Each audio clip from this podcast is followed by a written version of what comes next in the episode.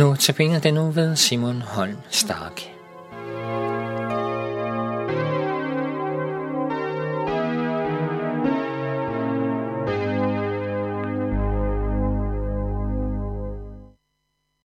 Betegnelsen at være en kristen er ikke særlig præcis her i Danmark.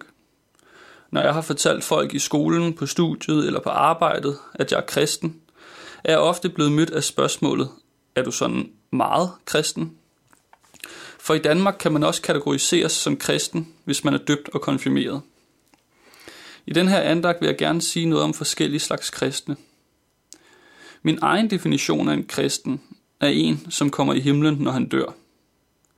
I Bibelen er det udtrykt meget klart i 1. Johannes brev, kapitel 15, vers 12, hvor der står, Den, der har sønnen, har livet.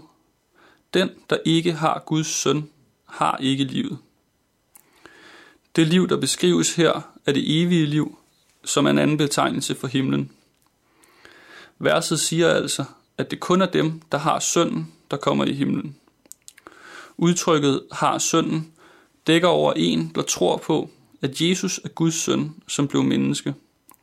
Der tror på, at Jesus døde på Golgata i stedet for dig og mig, for at bære Guds vrede over vores synd og ulydighed.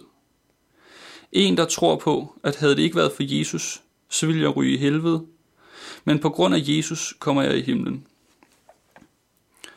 Hvis du ikke kan kende dig selv i denne beskrivelse, så har du ikke synden, og så vil Guds vrede ramme dig i al evighed.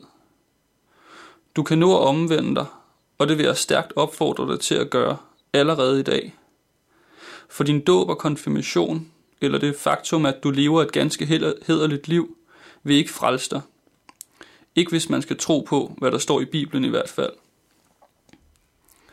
De kristne, altså dem, der tror på, at Jesus har frelst dem, kan ifølge nogen så yderligere deles op i to grupper. De dårlige kristne og de gode kristne. De gode kristne kommer trofast i en kirke. De har styr på Bibelen og læser ofte i den. De lever et ordentligt liv, hvor andre ikke kan sætte en finger på dem.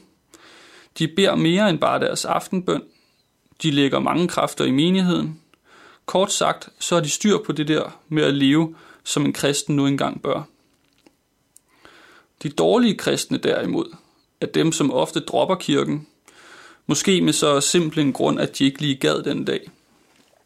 De synes, at Bibelen er besværlig at forstå eller kedelig, og de får i hvert fald sjældent åbnet den. Gud føles langt væk, og de er i hvert fald ikke lige så glade, som man burde være. Af og til, eller måske ligefrem ofte, begår de dårlige kristne synder, som det egentlig burde være muligt at lade være med, og som de gode kristne ikke begår. Men for de dårlige kristne lykkes det bare ikke. Jeg vil gerne sige noget til dig, som synes, at du er en dårlig kristen.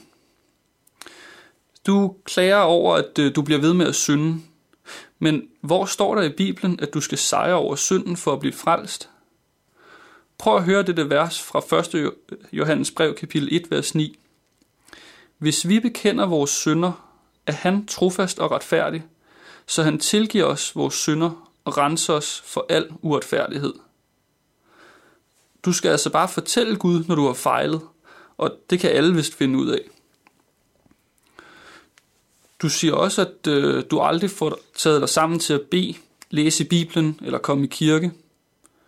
Men hvor står der, at man skal opfylde de her ting for at blive frelst? For at være kristen? For at Gud elsker dig? Jesus siger i Johannes evangeliet kapitel 6, vers 37, Den, der kommer til mig, vil jeg aldrig vise bort. Der står ikke, at man skal komme løbende eller med kraftige skridt. Man kan i princippet komme kravlende. Du siger, at du ikke har nogen glæde, og det burde du jo have, når Gud sådan elsker dig. Der er masser af eksempler i Bibelen på folk, der ikke var glade. Kong David havde tit en hård tid, for eksempel da Saul forfulgte ham. Men David skriver i salme 51, Et sønderbrudt og sønderknust hjerte afviser du ikke Gud. Du, som kalder dig en dårlig kristen, kan komme med en hvilken som helst indvending, og jeg vil svare dig, hvor står der, at du skal opfylde det, for at Gud vil frelse dig? Eller for at Gud vil elske dig? Gud elsker og frelser de hjælpeløse, de svage. Dårlige kristne findes ikke. Den, der har synden, har livet. Punktum. Så er der også de gode kristne. Måske er du en af dem. I teorien ved du selvfølgelig, at dine gerninger ikke frelser dig. Og spørg nogen der, vil du sige, at øh, bibellæsning, kirkegang osv.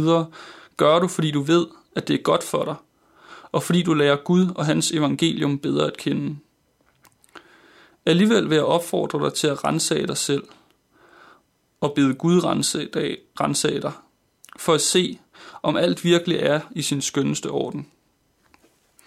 Ser du for eksempel ned på de såkaldte dårlige kristne, kan du i dit hjerte tænke, gad vide, om han egentlig er frelst, når han læser så lidt i sin bibel.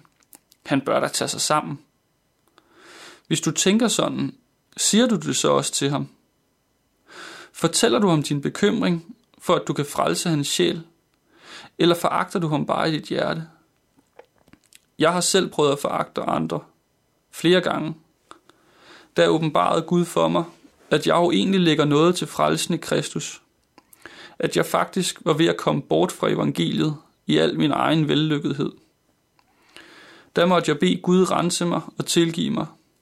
Og det må du også, hvis du ikke skal gå fortabt på dommens dag. Det kan også være, at du føler en sikkerhed i, at du er så trofast med at komme i kirken, be gode bønder, give mange penge eller andre fromme ting. Du ved, at det ikke frelser dig, men når tanken alligevel kommer snigende, tror jeg egentlig rigtigt.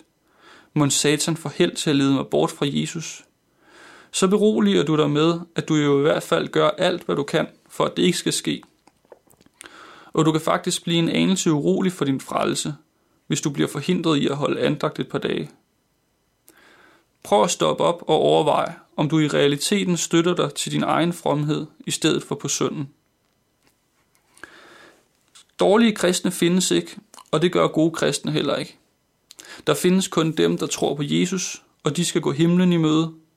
Og så er der dem, som fornægter Jesus, eller prøver at skabe sig deres egen retfærdighed, og de skal gå helvede i møde.